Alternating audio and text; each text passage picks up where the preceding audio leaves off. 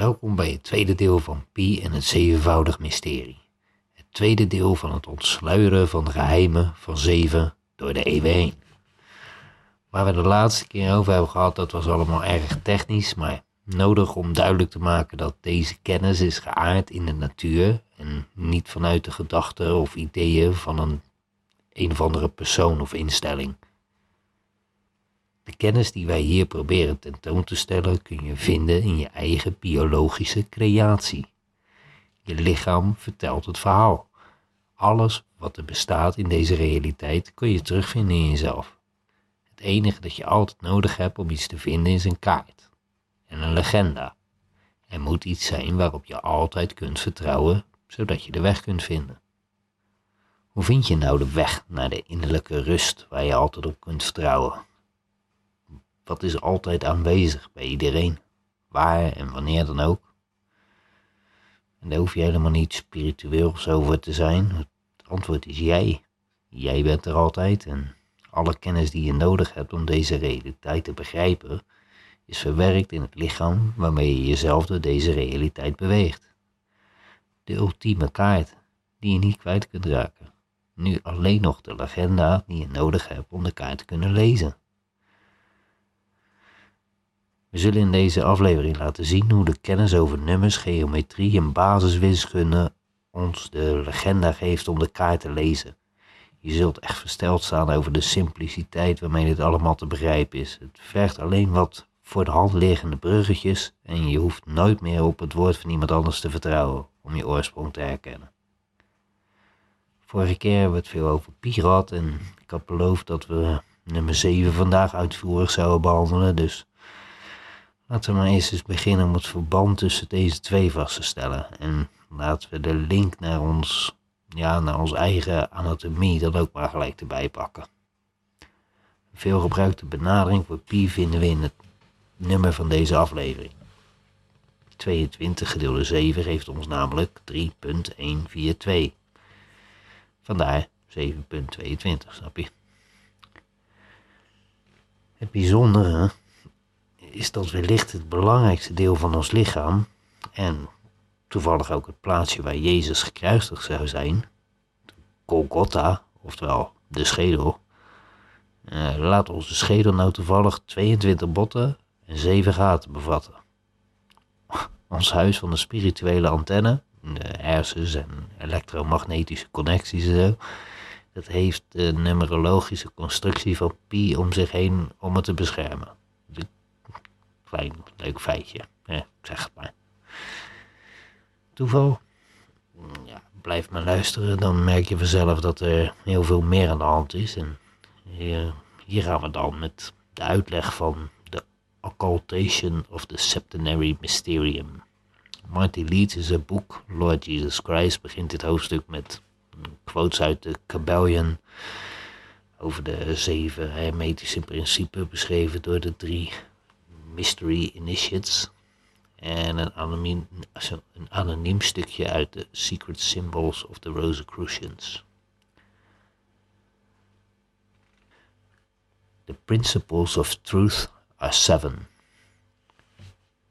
He who knows these understandingly possesses the magic key before whose touch all doors of the temple fly open. Staat in een Kabbalion. De principes van waarheid zijn zeven. Hij die deze begrijpt, bezit de magische sleutel voor wiens aanraking alle deuren van de tempel openvliegen.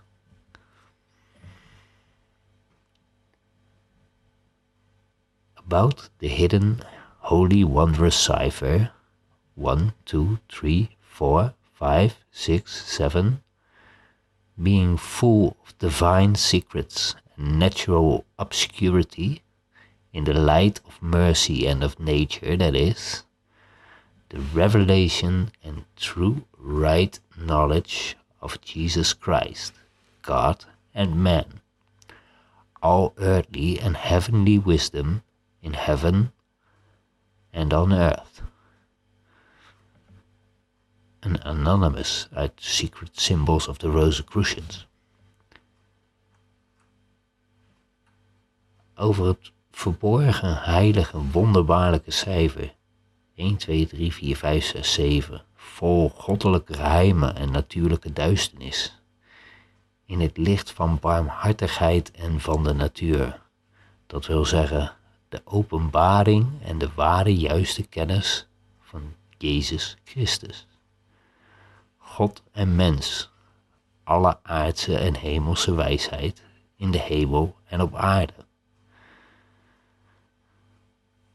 Oké, ik begrijp dat dit allemaal moeilijk te behappen is en zo, maar ondersteund door bronnen die in onze geschiedenis bekend staan als rotsvaste bakens van kennis zoals Hermes Trismegistus en de werken van de Rozenkruisers, dan moet er toch wel een kern van waarheid in zitten. Als we deze bronnen niet herkennen, dan waar is onze kennis dan op gebaseerd? In deze uitzending zullen we aantonen dat het cijfer gevonden door Marty Leeds, niet uitgevonden, maar ontdekt na grondige verdieping in esoterisch werk van alle stromingen, het enige juiste gereedschap is om westerse talen met gebruik van gematria te decoderen. Zoals eerder verteld worden er online veel verschillende cijfers gebruikt door onderzoekers. Er wordt dan gebruik gemaakt van verschillende technieken en coderingen om bewijzen van ja, cherrypicking een verklarend nummer aan een term of een woord te koppelen. Als we serieus en puur wetenschappelijk iets willen bereiken, dan moet het cijfer ten alle tijde kloppen en zijn de wortels hebben in de logos. De natuurlijke wiskundige formules die je altijd en overal terugvindt, in alles. Alleen die kennis doorstaat de corruptie van tijd en macht en we gaan laten zien dat deze gematria zonder twijfel gebruikt is in het schrijven van de King James Version Bijbel, waarmee we aantonen dat deze kennis de basis is van het geschreven woord van tegenwoordig. Onze taal heeft dus een kabbalistische achtergrond. Veel christenen zullen hierdoor op hun achterste poten gaan staan, maar laat me je feitelijk aantonen dat dit zonder meer de enige waarheid is. Is ook niet erg als je in het begin denkt dat dit allemaal satanistisch is en bij de meeste kerken word je verbannen als je zoiets inbrengt, maar let goed op en zie hoe deze goddelijke kennis verweven zit in onze taal en hoe dit op vele manieren via symbolisch gebruik aan ons wordt getoond. Je zult versteld staan dat het je niet is opgevallen in dit leven. Het mysterie van het goddelijke nummer 7. We beginnen natuurlijk bij Genesis, het ontstaan van onze realiteit. We kunnen het hele creatieverhaal ontleden en hier veel wiskundige principes aan verbinden, maar we houden het even op de zeven. De aarde werd gemaakt in zes dagen en God rustte op de zevende, toch? Nou, dat is dus direct de template van ons cijfer. 1, 2, 3, 4, 5, 6 en rust op de zeven. Wat we geleerd hebben in de vorige aflevering was dat pi ons altijd een spiegeling gaf. Want elke eenheid staat tot oneindigheid. Weet je nog? Uh, die spiegeling, die verdubbeling, nou, passen we simpelweg toe op ons cijfer. We spiegelen dus simpelweg de zes dagen van creatie naar de rust. En we hebben nu een reeks van 1, 2, 3, 4, 5, 6. 7 rust, 6, 5, 4, 3, 2, 1. Een totaal van 13 nummers. Erg handig voor een alfabet met 26 letters, niet?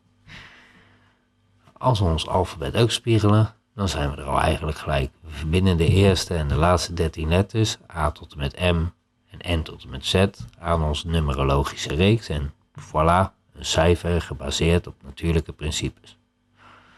Uh, ja, zo simpel kan het er niet zijn. Laten we eens kijken of we dit systeem misschien ergens kunnen terugvinden ter referentie. Het Ouija-board is een occulte manier om verbinding te krijgen met het ontastbare. Het gebruikte bord heeft veelal deze tweedeling van het alfabet als layout voor het oproepen van geesten en dergelijke. Maar ik snap dat dit niet voor velen genoeg zal zijn. We kijken verder. Het uh, embleem van Israël toont ons ook deze basisconstructie, alleen symbolisch. De plaatjes van de takken naast het embleem zijn exact zo gerangschikt dat de letters en de nummers van het alfabet overeenkomen met een cijfer. Ja, dat is toch wel een dingetje. En we lijken ergens te komen.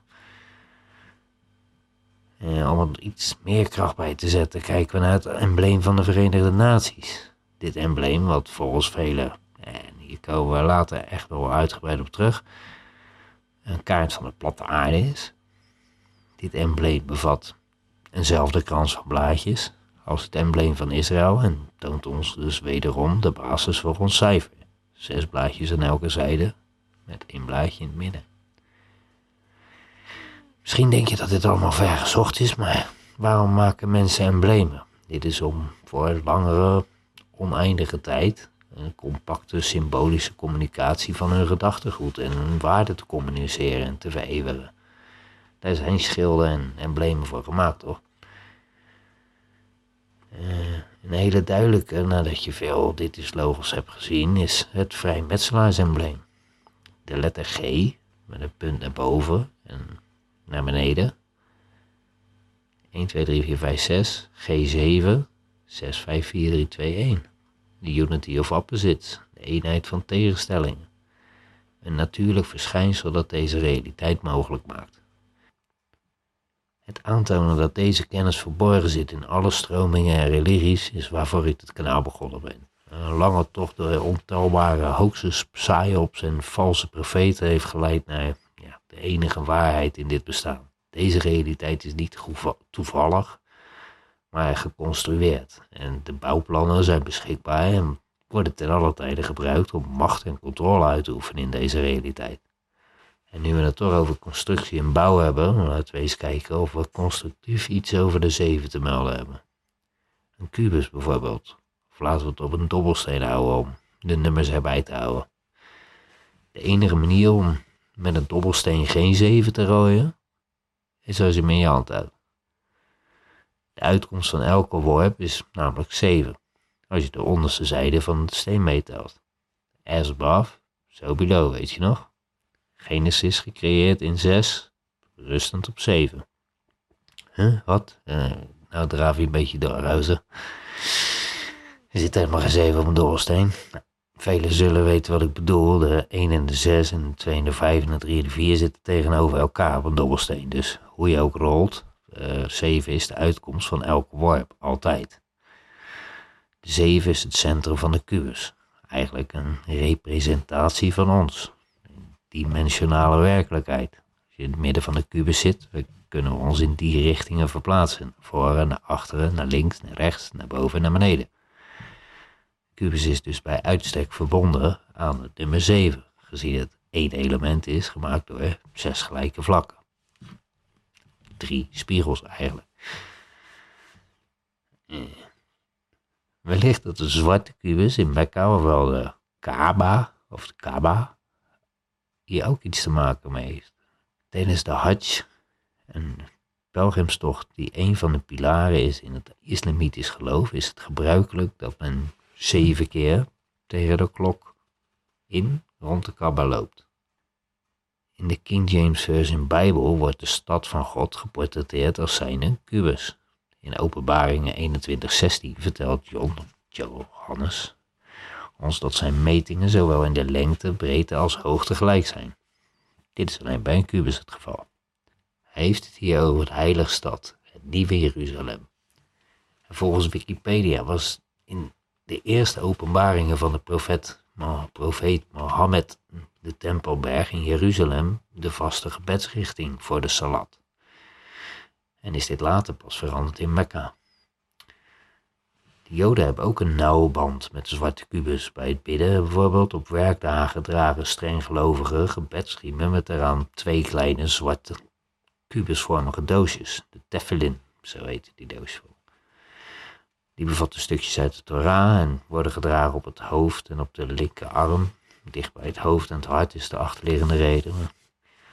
Zeer prominente rol in het geloof ook daar christendom vinden we de kubus eigenlijk als tweedimensionale vorm. Kruis is namelijk eigenlijk gewoon een opengeklapt kubus. Misschien is het christendom ook wel origineel daarvoor bedoeld om de kubus open te breken, zeg maar. Maar we hadden het over de zeven. Laten we niet te ver afdrijven. Zeven, Dennis. Concentreer je op de zeven. ik ben soms echt alle kanten op hè, en dat wil ik ook gewoon delen, maar we komen weer op sporen. Let op. We gaan met een bruggetje terug naar ons alfabet. De heilige naam van God, ofwel het Hebreeuwse tetragram of tetragrammaton. Dit is te zien op de thumbnails van deze video's. natuurlijk niet zomaar als het over pi en 7 gaat. Ofwel Yahweh of Jehovah lijken niet alleen symbolisch op pi en 7. En zelfs de originele Hebreeuwse gematria refereert naar ons alfabet. En dat niet alleen, de Engelse vertaling geeft met gebruik van ons zevenvoudig cijfer ook nog eens dezelfde uitkomst. Let op, dit wordt wel, wel grappig. De letters uh, J, nu waarde 10, He, waarde 5, Faf en waarde 6, He en waarde 5. Beetje ingewikkeld, maar letters hebben allemaal onderliggende waarden. Dit zijn de bijliggende waarden in het Hebreeuwse gematria. Gematria, sorry hebben we dus 10, 5, 6, 5. Dus bij elkaar opgeteld 26. Net zoveel letters als ons alfabet. En laat nu in de vertaling naar het Engels met deze Engelse gematria, de naam van God namelijk Lord God, uitkomen op 13 en 13, dus ook 26. Hier is zelfs de spiegeling van het alfabet zichtbaar. Oké, oké, wacht even, het wordt allemaal een beetje ingewikkeld met je nimmerkus. Even een stapje terugdenken dezelfde numerieke waarde komt uit de Hebreeuwse naam God en de Engelse naam voor God, gebruikmakend van allebei hun eigen gematria. Dat is de overeenkomst. Komt toevallig allebei uit op 26. Nou, dat zijn evenveel letters als ons alfabet hebben. Dat is allemaal niet zo toevallig. Maar daar komen we nou achter. Let op. Laten we even terugkijken naar waar we tot nu toe allemaal geweest zijn. We hebben de oorsprong van het cijfer proberen te verduidelijken door aan te tonen dat het gebruik van 1 omringd door 6, dus een totaal van 7, in vele stromingen wordt gebruikt als basis in hun geloof. De kubus of kaba speelt hierin een prominente rol en vele symboliek heeft dit principe als kern. Als we kijken naar de Davidster, de Giro, de vrijmetselaars G met zes punten van de Passernaak, de dobbelsteen, het scheppingsverhaal, onze 3D-coördinaten. Zes rust op zeven is een terugkerend fenomeen en dus hierin hebben we een aardige wortels, zou ik zeggen. Ons cijfer is de reeks van 1 naar 6, dan 7 en dan weer van 6 naar 1. Nou, dat vonden we onder andere terug in het embleem van de Verenigde Naties in Israël. Er zijn nog wat mooie voorbeelden. We hebben het hier dus eigenlijk over 12 en 1 in het midden. Dus een beetje als 12 maanden die een jaar vormen. Of 12 sterrenbeelden die een zodiac vormen. Maar waar draaien die sterren allemaal mee? Om jou, het centrum. Een prachtig voorbeeld ervan is het werk van Leonardo da Vinci. Het laatste avondmaal. Jezus, met aan beide zijden zes discipelen. Deze fantastische kunstenaar met zijn esoterisch doorspekte werk de occulte kennis tijdloos gemaakt, godzijdank.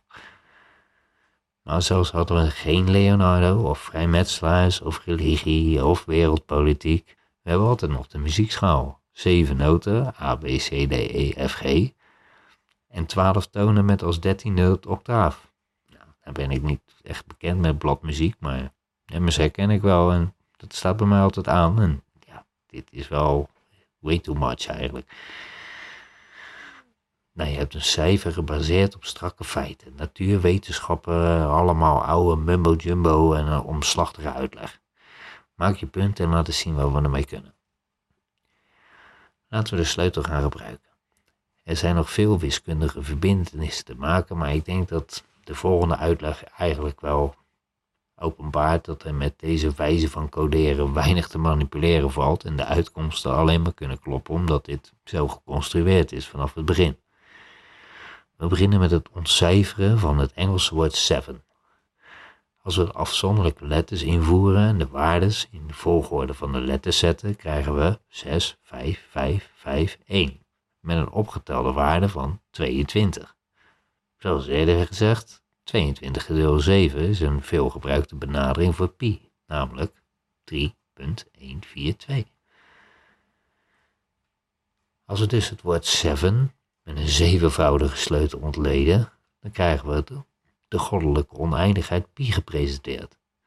En als we kijken naar welke letters in ons cijfer bij het getal 7 horen, zijn dit de G en de T. Precies de letters die gebruikt worden door de twee beroemdste masonische lodges in een logo. Ja, als we de G dus 7, 7 zien als pi, dan zou misschien de t wel twee keer pi kunnen zijn. En wat blijkt? Een andere veelgebruikte wiskundige constante is 6,28, ook wel bekend als tau. Tau. Ik hoor je denken, als je me nou. Eén woord hebben we ontcijferd. En dit is de informatie die erachter hangt. Buiten dat dit cijfer is gebaseerd op een algemeen beschouwd heilig nummer vanuit de oudheid, het heeft duidelijke verbanden met zeer metafysische principes die ten alle tijde zullen gelden in deze werkelijkheid. Het spiegelen, zoals de natuur doet bij simpele celdeling, de oneindigheid van een cirkel, de constructie van een kubus. Dit cijfer bewijst zichzelf en dat maakt het tot het enige juiste gereedschap om oude geschriften te, maar ook tegenwoordig gebruikte teksten te ontleden om hun verborgen boodschappen of de manipulatie daarvan te onthullen. Het verbaast mij eerlijk gezegd dat er niet meer mensen hiermee bezig zijn. Dit is eigenlijk het enige dat alle complottheorieën kan verklaren en uitleggen. Hiermee kan alles met elkaar in verband worden gebracht en, en nummers gelden eigenlijk als de enige universele taal. De taal van nummers en geometrie die alle diversiteit van de mens opzij zet en de enige waarheid spreekt die er is, zonder een mogelijkheid om te liggen. Zoals de Bijbel ons leert, dienen we niet te vertrouwen op het woord van de mens, maar geloven in het woord van God. En God klinkt misschien, ja, beetje moeilijk voor sommigen, maar als je al je vooroordelen over een schepper zou vergeten. Doe maar net of het een film is. In welke taal zou je denken dat een zogezegde God of architect van deze realiteit zijn boodschap zou achterlaten? In het Nederlands misschien? Of zouden wij het doen in de taal die op je handen geschreven staat, je tien geboden, zeggen ze toch wel eens? Het alfabet van de schepper ten alle tijden bij je. Het wordt wellicht nog mooier als je merkt dat je vingers ook een creatie zijn gebaseerd op zeven. Zoals in eerdere afleveringen verteld bestaan je vijf vingers van één hand uit veertien vingerkootjes. Je hebt dus totaal 28 vingerkootjes. 1 plus 2 plus 3 plus 4 plus 5 plus 6 plus 7 is 28. Dit noemen ze het piramidegetal, piramidegetal van 7. Hm. We hebben dus de piramide van 7, waarmee we elke dag onze broek optrekken en onze veters dichtknopen. Deze vingerkootjes hebben dan ook nog de verhouding van de gulden snede ten opzichte van elkaar, 1.618. De gulden snede vind je in een vijfpuntige ster, zeg maar, die van de Marokkaanse vlag. En ondersteboven wordt die ook wel eens als Bapomet-ster gebruikt. Kennelijk een heel krachtig symbool. Hoeveel vingers heb jij aan één hand dan? Onze gereedschappen om deze realiteit te manipuleren in real time, onze handen waarmee we alles kunnen bouwen of vernielen en onze stem waarmee we deze realiteit kunnen laten vibreren op een manier dat het ja, in andere organismen wat teweeg brengt. Zo komen we op nog een bijzonderheid in de fonetiek van de Engelse naam Jesus Christ en ons cijfer. Wanneer je goed luistert naar de uitspraak, zul je onze twee centrale letters best herkennen. Jesus Christ.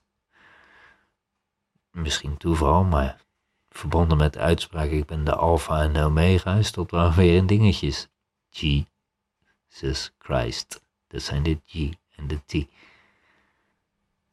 Zoals de zoon vaak wordt gebruikt voor zon, of dit nu in het Engelse sun of sun is, of in het Nederlands. Fonetiek is altijd heel belangrijk geweest en vertelt ons vaak een hele andere betekenis als hoe het geschreven wordt.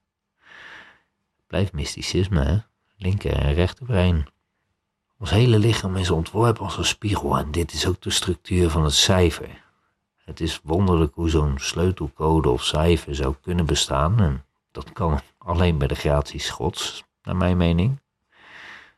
Omdat het zo is, vinden we de numerieke codering van de naam Jesus terug in alle oudste wiskundige methodes van de Phoeniciërs, maar ook op het nummerbeeld van je telefoon of computer. Waarschijnlijk het meest toonaangevende bewijs dat dit cijfer het enige cijfer is om Engels mee te ontcijferen, is de naam van de verlosser kabbalistisch gecodeerd zoals de Phoeniciërs telden. De, cijfers behorend bij de naam Jesus zijn 4, 5, 6, 6, 6. En dit is exact wat de drievoudige matrix van de Phoeniciërs ons gaven, namelijk 1, 2, 3, 4, 5, 6, 7, 8, 9. 1 plus 2 plus 3 is 6. 4 plus 5 plus 6 is 15, is ook 6. 7, 8 plus 9 is 24. 2 plus 4 is ook 6. Uitkomsten 6, 6, 6. Tel je 6, 15 en 24 bij elkaar op, krijg je 45. Nou vraag ik je toch, is dit opzet? Toeval is het in ieder geval niet. Met deze uitzending hebben we denk ik de sleutel voorzien van voldoende backup, zodat we met een heldere blik en volgens vaste gewortelde principes ons cijfer kunnen gaan testen in de praktijk. Zullen merken dat dit niet iets wat alleen vroeger gedaan werd, maar ook dat de gematria van het Engelstalige alfabet, en ook in andere talen, alom vertegenwoordigd is en nog steeds gebruikt wordt. Het heeft niet voor niks zijn hoofdreferentie in het bekendste boek ter wereld, de originele vertaling van de Griekstalige Bijbel, de King James Version Bijbel. Volgende video gaan we werken met het cijfer en tonen we aan hoe het mogelijk is om manipulatief te zijn met taal, zonder dat we het merken. Tot snel bij Dit is Logos.